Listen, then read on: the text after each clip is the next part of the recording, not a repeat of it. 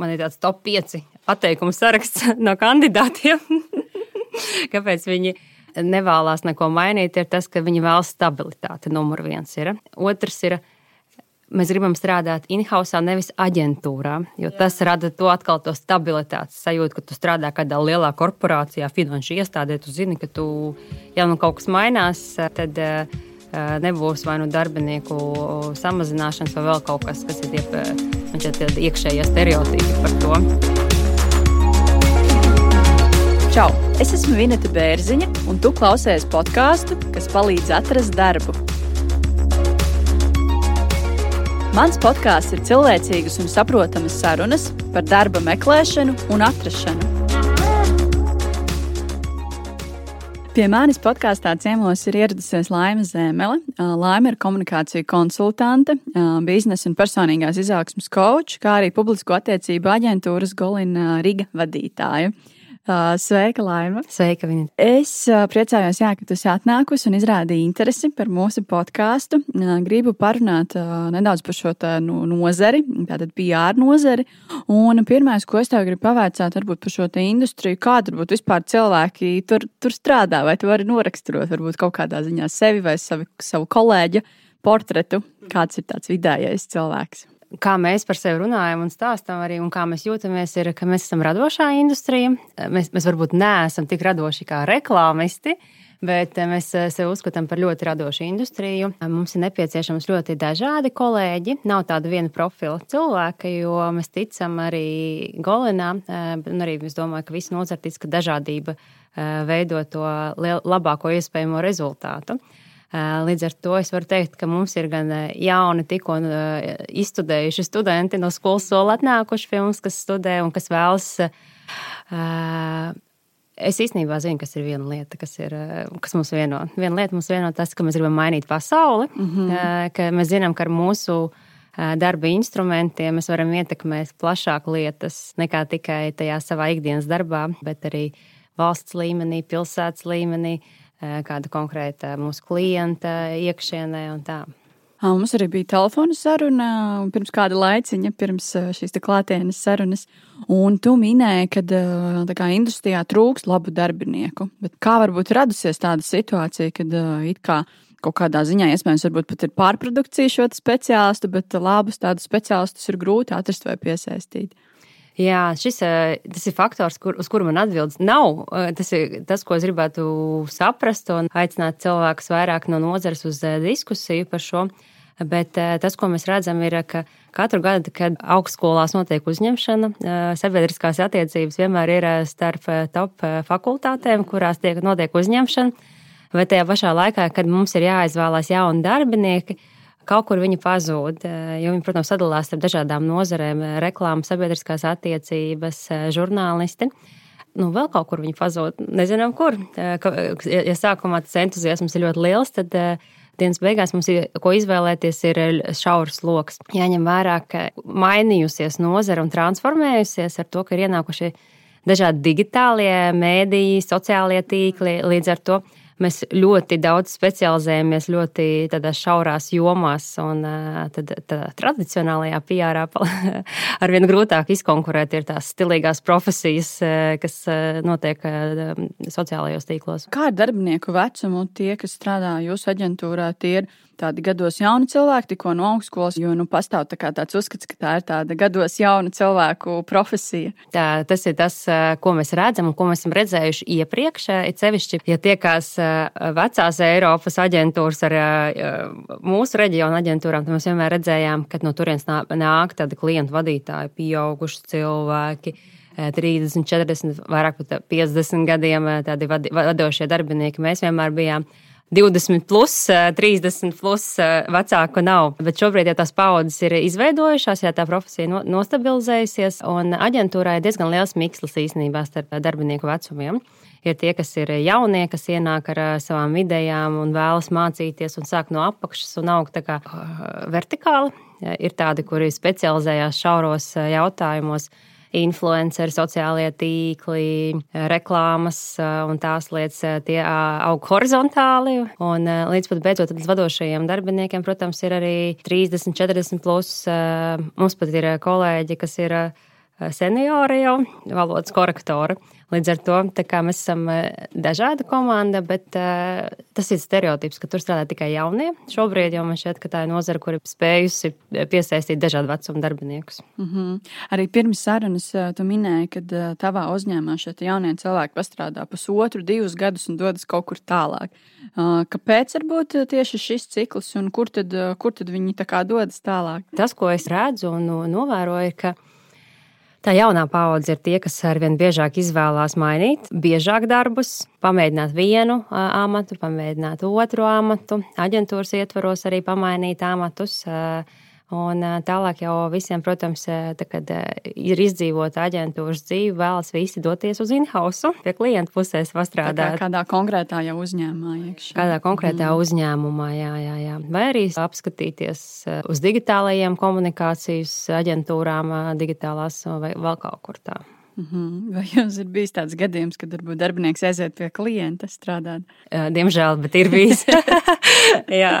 Tas arī tāds riska faktors ir, eh, ka šobrīd arī klienti ļoti meklē darbiniekus, un tas darba tirgus ir tāds, kā ir. Arī klienti eh, ir paņēmuši dar mūsu darbiniekus. Mēs, protams, priecājamies, zinot, ka viņiem būs labi darbinieki, bet tajā pašā laikā mm, vēlamies, lai tā nenotiktu. Kādreiz pastāvēja tāds uzskats, ka šī PR vide ir uh, apkārt ballītes, svētki, uh, pazīstami cilvēki, šampanietis, uh, nu viss ir skaisti un jauki. Bet kāda varbūt ir tā ikdiena, ko varbūt jūsu jaunie speciālisti, kur tik, tikko ir sākuši darbu, kāda ir viņu darba ikdiena, ko viņi reāli dara? Vai tas ir kaut kas tāds, nezinu, interesants, tā kā darbs Holivudā visu laiku, jauni cilvēki, ballītes, viss kaut kas notiek, vai tomēr tas ir tāds smags rutīnas darbs? Es teiktu, ka tas ir kaut kur pa vidu. Tas vidusceļš ir, jo rezultāts ir tās foršās ballītes, eh, ko mēs eh, taisām klientiem, pasākumi, notikumi, par kuriem rakstīt, eh, ar kuriem pievērst uzmanību sabiedrībā. Bet, lai nonāktu līdz tam tai skaistajai, glancētajai pusē, tomēr aizmugurē ir kārtīgs.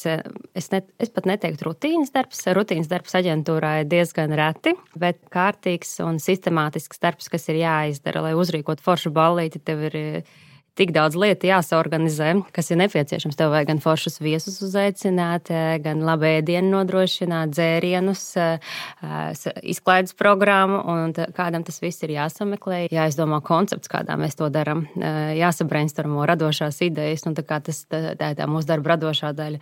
Ielikt ideju vārdos, ielikt vizuālā noformējumā un tālāk atrast tos risinājumus, kā to realizēt, lai tajā mirklī, kad uh, klients vai viņa viesi atnāk uz pasākumu, viņi jūt to maģiku, bet nezina, kas notiek eh, aizskatuvē. Aizskatuves.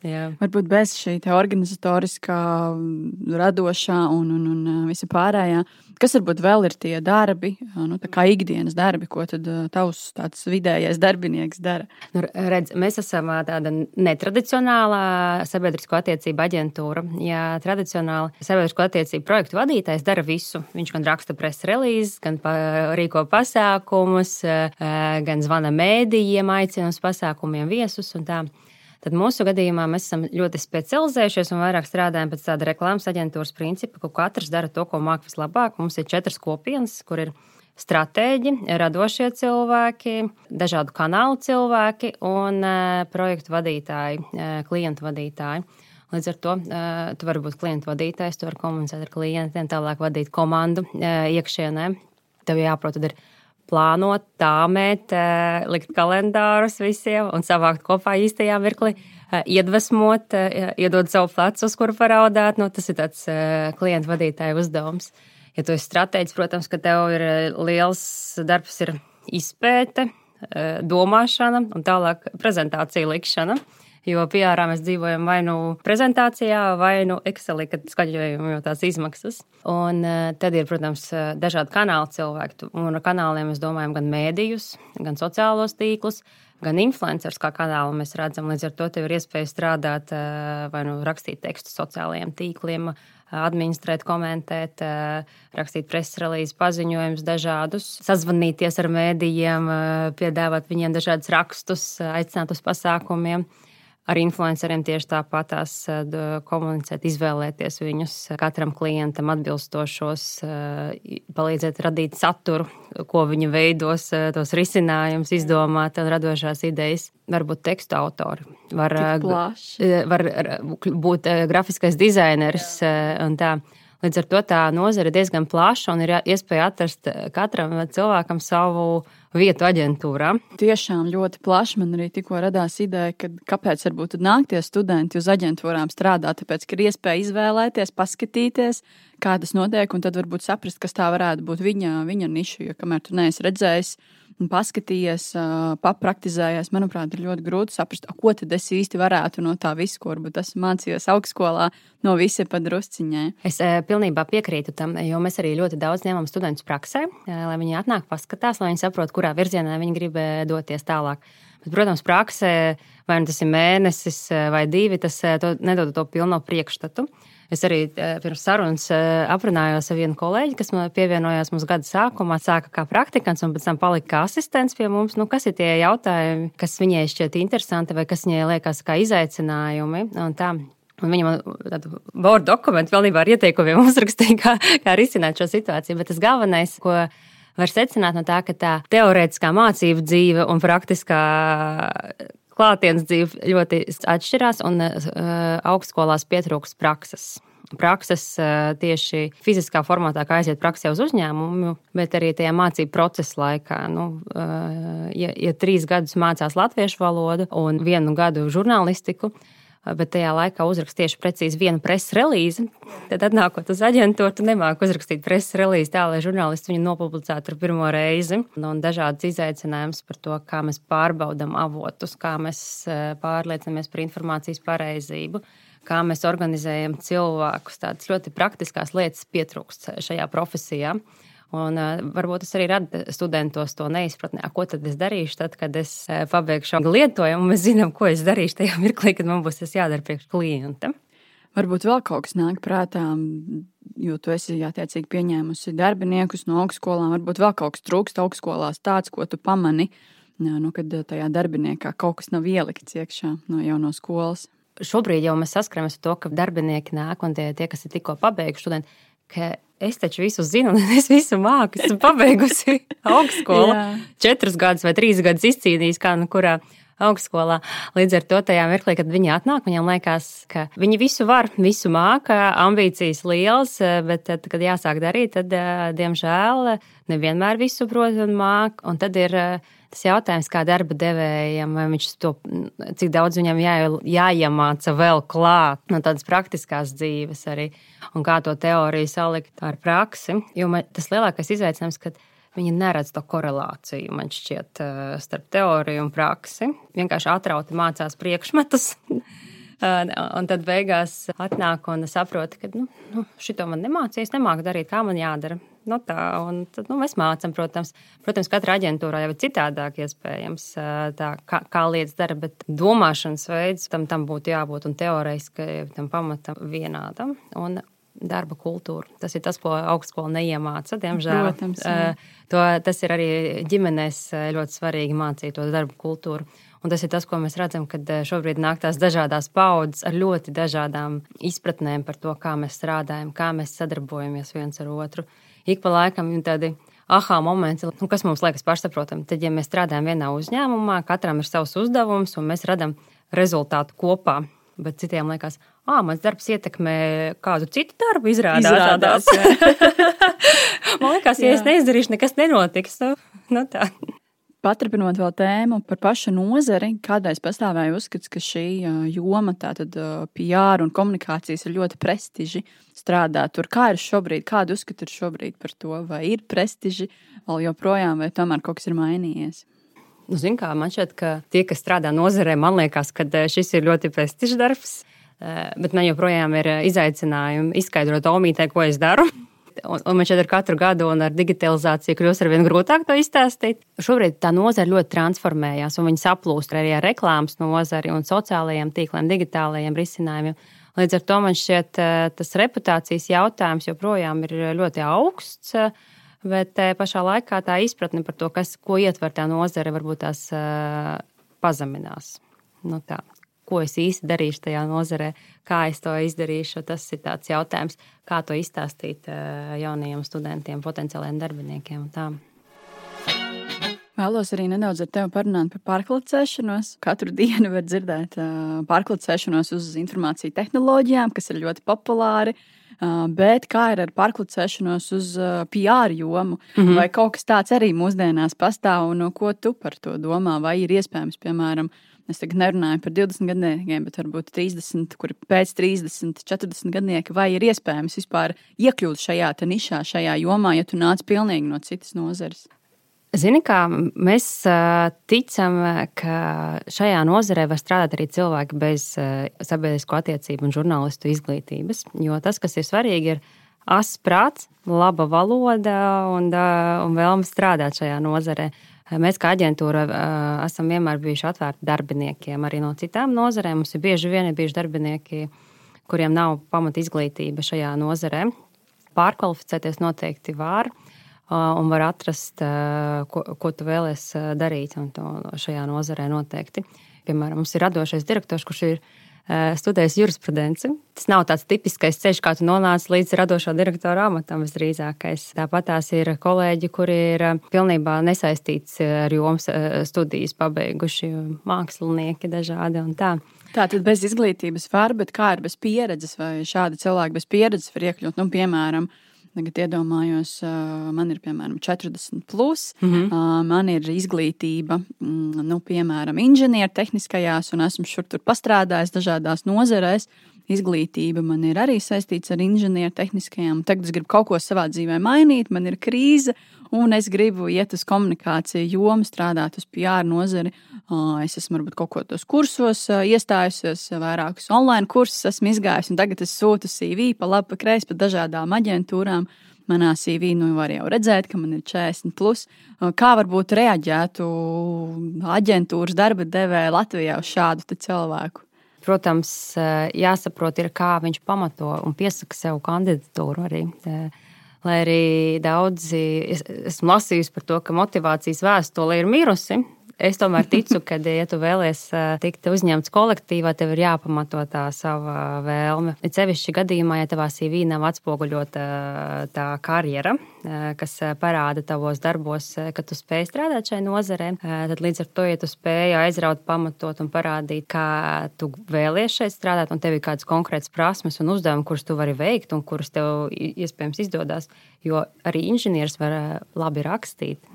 Yeah arī inženieris, varbūt tās strādājot ar dažādām nezinu, būvniecības programmām, paralēli kaut ko maketējis, varbūt, un viņš grib kļūt par grafisko dizaineru.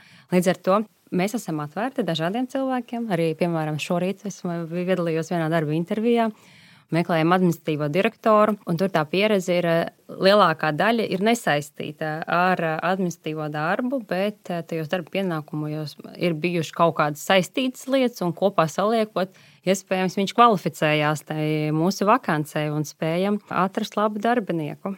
Tā. Jā, nu, vadošajiem amatiem noteikti, bet kā varbūt ar tādiem iesācējiem? Es gribu kaut kur iesācēju līmenī tikt šajā nozarē. Ja man nav pieredzes, man tikai kaut kādu kursi, man nav izglītība šajā jomā, ja man ir 30 plus vai 40 plus. Kā domā, tas ir iespējams vai ir ļoti grūti tikt nišā nozarē, kas ir diezgan slēgta tāda nozara? Ja tu ļoti vēlēsies, tev jācīnās. Ir. Es domāju, ka tev jāparāda, ka tu to savu Jā, vēlmi, savu motivāciju, savu motivāciju mm -hmm. arī mhm. Jo tas ir svarīgi. Man šķiet, ka tas, ko esmu redzējis, arī ļoti daudz, piemēram, to pārkvalifikācijas jautājumu e, šajā Covid kontekstā, kad e, mums uz e, vakancēm piesakās ļoti daudz cilvēku, kas strādājuši, piemēram, tirsniecības nozarē, sevišķi lockdown laikā, vai no apģērba veikala darbinieki un tā. Bet, ja viņi vienkārši atsūta savu tukšu, savu CV, man nav iemesla viņu aicināt uz Protams, interviju. Jā. Ja viņš spēja parādīt un ieinteresēt mani, ka viņš vēlas šajā strā nozarē strādāt, parāda savas zināšanas eh, caur CV, caur motivācijas vēstuli. Tad es arī aicinu uz interviju. Līdz ar to es domāju, ka ir iespējams, ja tu spēj izcelties uz citu kandidātu fonu un parādīt vai nu savu redzējumu, kā tu gribi augt šajā nozarē, vai nu kaut kādas īpašās prasmes, eh, kas varētu būt noderīgas šajā nozarē. Šis ir ļoti labs padoms. Arī es iesaku darba meklētājiem, ja tu apskaties savu CV vai motivācijas vēstuli. ja rodas tāda sajūta, ka uh, īsti nerodas nekāda sajūta, ko tu gribi, tev ir dažādas darba pieredzes. Tev nav motivācija minēta, ne CV, ne īstajā motivācijas vēstulē, tikai aprakstīta darba pieredze. Un apskatoties, īsti nesaproti, ko, tad, ko tad tu gribi un kāpēc tu piesakies. Nu, tad visticamāk, varbūt arī netiks uz to darba interviju. Tā kā lielisks padoms. Man vēl tāds jautājums par šo PR speciālistu, tā kā tādu dzīvesveidu. Pastāv uzskats, ka tas ir arī tāds darbs, tā, tā skaitā dzīvesveids, kas prasa, protams, daudz laika, jo, kā jau mēs zinām, organizēt varbūt kaut kādas ballītes. Uh, viss tas notiek vai nu brīvdienās, vai nu vakaros. Kā ir, vai strādājot šādu darbu, var rēķināties ar, ar darba laiku, ar konkrētām robežām, vai nu jo mēs saprotam, ka katrs darbs prasa kaut kādu savus, varbūt arī upurus. Ziniet, kā izaicinājumi vienmēr ir, jo nozare ir ļoti dinamiska, visi ātri strauji mainās, un mums ir jāspēj reaģēt un pielāgoties tai ikdienai. Tajā pašā laikā mēs ticam, ka ir iespējams plānot, un visi pamatā ir plānošana. Līdz ar to, ja mēs redzam, ka ir pasākumi vakaros, mēs nokompensējam to citā laikā, iedodam brīvu laiku darbiniekiem. Ja pasākumi brīvdienās tieši tāpatās, nu, kas ir atbilstoši darba likumam, arī un, un darbinieki, protams, to novērtē un arī izmanto. Līdz ar to jāņem vērā, ka mums ir tāds standarta darba laiks, arī biroja darba laiks, kas ir no 9 līdz 6. Mēs nestrādājam mājās, tā kā veikalā, piemēram, kur, ja tev ir vakara maiņa, tad tev ir vakara maiņa. Tas nozīmē, ka tu no rīta esi brīvāks. Mēs vienkārši meklējam risinājumus eh, šīm situācijām. Vai tā ir norma strādāt vakaros? Mēs cenšamies to nedarīt. Mēs mācām saviem darbiniekiem vilkt robežas, mēs mācām saviem darbiniekiem plānot, likt kalendāru, saprast, apzināties to savā darba apjomu. Jo tas, ko mēs redzējām pandēmijas pirmajā vilnī, ka ir ļoti viegli pazaudēt viņas. Tās robežas. Tās robežas, jā, mm -hmm. starp darba laiku. Jo liekas, ir seši, ai, es vēl desmit minūtes pabeigšu šo e-pastu, tu pacēl acis, eo, septiņi vakarā, piemēram, ir. Tā. Bet, nu, tā kā darba laiks ir beidzies oficiāli. Un līdz ar to mēs visi mācāmies kopā, jo mēs visi nonācām šajā situācijā tā, kā ir. Es ticu, ka tā ir atbildība gan mūsu pusē, kā darba devējam, palīdzēt darbiniekam sakārtot to savu darbu ikdienu, gan arī darbiniekam pašam jāgrib ir novilkt tās robežas eh, un eh, vai nu izdarīt ļoti produktīvi tajā dienas laikā, vai nu saorganizēt tā, ka tev, tu vari tos darbus eh, vai nu nodot vēlāk, vai palīgus piesaistīt, lai varētu pabeigt konkrētajā laikā. Bet, protams, šai nozarei ir specifika. Ja notiek krīze, tad mēs visi pieslēdzamies. Tas ir eh, tāds kā iekšējais ētikas kodeks, jo neviens cits jau nebūs tas, kurš liks tos paziņojumus klientiem un, eh, un reaģēs un domās, kā risināt šo situāciju. Un, diemžēl tām krīzēm vienmēr uh, ir tendence ies, iezakties ārpus darba laika, diemžēl, kā mēs to redzam arī publiskā uh, vidē tiem pašiem noteikumiem sagatavoties. Mēs bieži vien dzirdam, ka tas lēmums kaut kur no augšas tiek pieņemts, un bez maz vai rītdien jau ir jāievieš. Un es domāju, ārprāts tiem cilvēkiem tur pa nakti viss ir jāizdomā, jāpārregulējas un, un, un jāiet uz priekšu. Man liekas, nav tik vienkārši. Vēl ko es gribēju te pavaicāt un izrunāt, tu arī pa telefonu nedaudz minēji to, ka um, ir grūti atrast tieši pieredzējušus darbiniekus uh, savā nozarē. Kāpēc, uh, tavuprāt, tā ir? Man šķiet, ka šis ir tāds izaicinošs laiks ne tikai mūsu nozarē, bet vispār kopumā ar pieredzējušajiem darbiniekiem un vispār ar darbiniekiem kā tādiem. Eh, Nevelti viņu sauc par eh, great resignation, tā kā atlūguma laikmetā, kā, bet eh, tie cilvēki, kas aiziet projām, viņi jau neaiziet projām strādāt uz kaut kurien citurien. Ļoti daudz aiziet strādāt vai nu freelancā, vai nu viņi aiziet strādāt sev izdomā savu radošo ideju, biznesa ideju. Savu uzņēmumu dibinu. Savu, jā, jā, savu uzņēmumu dibinu un tā. Vai izmanto iespēju atpūsties, kas ir tas izaicinājums arī. Jo tie pieredzējušie cilvēki, viņi ir pietiekoši daudz noteikti pastrādājuši krīzes sākumā un tagad jūtas nopelnījuši atpūtas mirkli. Bet, ja mēs runājam tā padziļināti, nu, man tiešām ir izaicinājums atrast pieredzējušus darbiniekus, jo viņi nav brīvi darba tirgu. Viņu skaits ir diezgan samazinājies. Mēs redzam, ka Latvijā bezdarba rādītāji ir ļoti zemi. Bet tas nav tikai Latvijā, tas ir pilnībā visā pasaulē. Man vakardien bija sazvans ar mūsu Eiropas biroju vadītājiem un mūsu CEO no Amerikas. Pat tieši par šo jautājumu, par talantu vadību mēs runājam. Un tā situācija ir pilnībā visā pasaulē. Mēs neesam unikāli šeit Latvijā, diemžēl. Izaicinājumi ir tādi, ka mēs ļoti daudz runājam par to, ko tu minēji, privātās un darba dzīves līdzsvaru, kad uh, mums ir jāpielāgojas šiem apstākļiem. un jāmēģina meklēt risinājumus. Jo cilvēki šobrīd nevēlas saņemt vairāk, tādā lielā apmērā. Tas ir tas, ko redz globāli kopumā. Viņi nevēlas dinamiku, strauju karjeras izaugsmu, kas bija pirms pandēmijas, ka, kad bija arī šis darba ņēmēja laikmets iestājies pirmo reizi Latvijā. Man šeit ka visi tikai skatījās uz atalgojumu vai, vai, vai pozīciju. Tad šobrīd tas, ko darbinieki vēlās, ir mazāk strādāt. Vairāk atpūsties. Vairāk atpūsties, vairāk miera. Nu, vienkārši man šķiet, ka tas tie apstākļi, kas mums ir apkārt, tā nenoteiktība. Gribās vismaz vienu jomu savā dzīvē, kur tu esi pārliecināts par to, kas eh, tev ir, kā tu jūties, un tu vari kontrolēt viņu. Un tāpēc eh, man ir tāds top 5 atteikumu saraksts no kandidātiem. Kāpēc viņi nevēlas neko mainīt, ir tas, ka viņi vēlas stabilitāti. Numur viens ir. Otrs ir. Mēs gribam strādāt in-house, nevis aģentūrā, jo Jā. tas rada to atkal to stabilitātes sajūtu, ka tu strādā kādā lielā korporācijā, finanšu iestādē. Tu zini, ka tu, ja nu kaut kas mainās, tad uh, nebūs vai nu darbinieku samazināšanas, vai vēl kaut kas, kas ir tie, man šķiet, iekšējie stereotipi par to.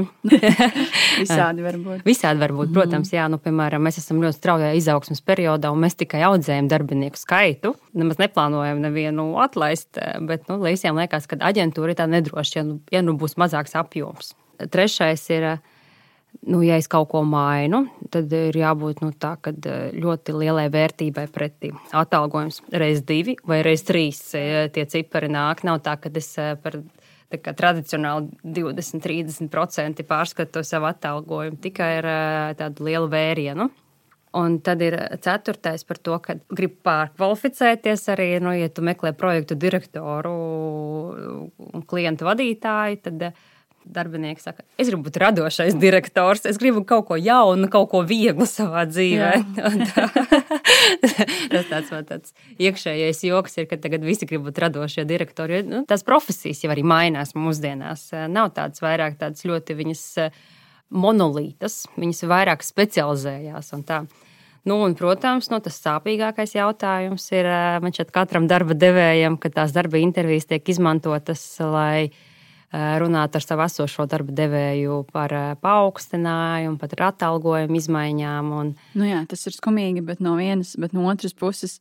Jāpriecājas par to, ka mēs spējam kaut kādā veidā uzlabot dzīves citiem cilvēkiem. Protams, protams, es jau vienmēr saku, ka, ja kādam no tā būs labums, tad, tad jā.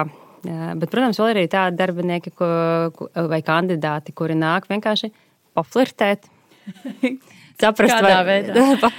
apskatīties, nu, kas varētu būt tas labums no tā darba devēja nākotnē. Varbūt tās iepazīties, jo kā gan var neatsaukties. Kā uz randiņu. Tā kā uz randiņu, kā var neatsaukties, ja aicina. Nu, tā. Par aicināšanu runājot, tu iepriekš minēji, ka šie labie, jeb nu, meklētie speciālisti paši nepiesakās, un tas ir kā, nu, skaidrs, ka vis, visticamāk viņus ir jāuzrunā, jānodarbojas ar šo headhuntingu, tieši uzrunāšanu sociālos tīklos, visbiežāk LinkedIn, vai tu pati kaut ko tādu arī praktizē? Nu, kad nevar atrast labu darbinieku, pieredzējušu, vai uzrunā viņas? Jā, man šķiet, ka es esmu, es jau smējos savam headhunteram, kas mums ir palīdzējis šo procesu vadīt, nu, kā, jo bez tā vairs nav iespējams. Jau to pieteikumu skaits dažām vakancēm ir liels, citām vakancēm ir ļoti zems. Līdz ar to varētu tā teikt, pusgadu laikā kļūst par profesionālu HRistu.